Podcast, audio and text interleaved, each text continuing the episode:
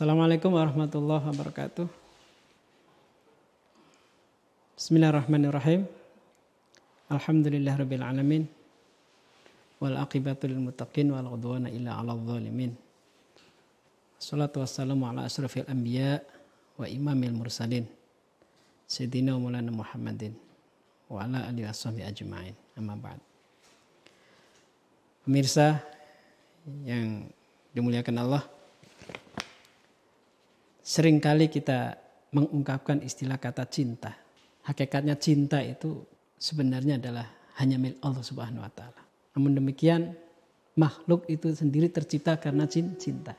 Oleh karena itu ketika makhluk ketika hamba mencintai Allah pada hakikatnya cintanya Allah itu sendiri. Makanya bagi kita bagaimana sih kita mencintai Allah itu?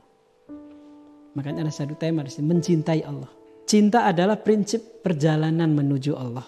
Semua keadaan dan peringkat yang dialami oleh sang salik, yakni perjalanan menuju Allah, adalah tingkat-tingkat cinta kepada Allah. Semua peringkat atau semua makom dapat mengalami kehancuran, kecuali cinta. Selama jalan menuju Allah tetap ditelusuri. Apakah cinta itu? Semua keterangan terkait tentang cinta bukanlah itu hakikat cinta. Jadi bukan keterangan-keterangan tentang cinta, cinta. Kenapa? Karena cinta terlalu besar untuk dapat dilukiskan. Jadi mengekspresikan cinta itu nggak cukup dengan definisi.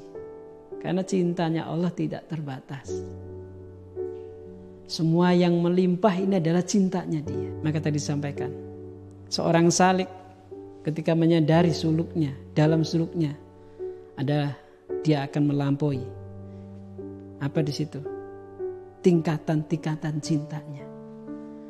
Makanya ketika kita berbicara cinta antara satu dengan yang lain, tentu tidak akan sama. Kapasitasnya tidak akan sama. Makanya ini penting sekali kita renungkan. Bagaimana kita bisa mencintai Allah? Seorang hamba yang mampu dan bisa mencintai Allah ketika sadar bahwa cinta yang ada dalam dirinya adalah cintanya Allah Subhanahu wa taala. Sehingga mengakui dan menyadari, pada setiap ciptaannya itu adalah cintanya Allah Subhanahu wa taala. Di sinilah akan menjadi dewasa dalam suluknya dalam perjalanannya. Karena sama-sama didasari rasa cinta, semuanya akan melangkah dalam suluknya semuanya akan tenang dan menikmati cinta tersebut sesuai dengan kapasitasnya masing-masing. Ini yang perlu kita renungkan. Terus siapakah pencinta Allah itu? Siapa yang mencintai Allah, maka ia tidak lagi banyak menoleh kepada dirinya. Lidahnya selalu basah oleh zikir. Lidahnya selalu akan basah dengan ingat kepada Allah menyebut namanya, tabir pun terbuka baginya. Sehingga Sang Maha Kuasa muncul dari tirai-tirai gaibnya. Ini kekuatan cinta. Maka tatkala pencinta berucap dengan Allah atau billah, ia tatkala menegur. Demi Allah ia tatkala diam. Bersama Allah ia. Sungguh dengan demi dan bersama Allah. Ia selalu. Ini cinta, kekuatan cinta. Jadi seorang pencinta yang benar-benar sadar akan cintanya Allah, dia tidak akan bisa lepas dari Allah Subhanahu wa taala. Karena cinta itu adalah jelmaan manifestasinya dari Allah Subhanahu wa taala. Kuntu kanzan makhfiyan fa ahbabtu an u'rafa. Aku ini adalah pusaka yang tersembunyi. Fa ahbabtu an. Aku cinta untuk dikenal. Fakholaktul khalqa. Maka aku ciptakan makhluk. Aku ciptaan maka Allah menjelma, memanifestasikan cinta itu dalam bentuk ciptaan-ciptaan. Makanya ketika kita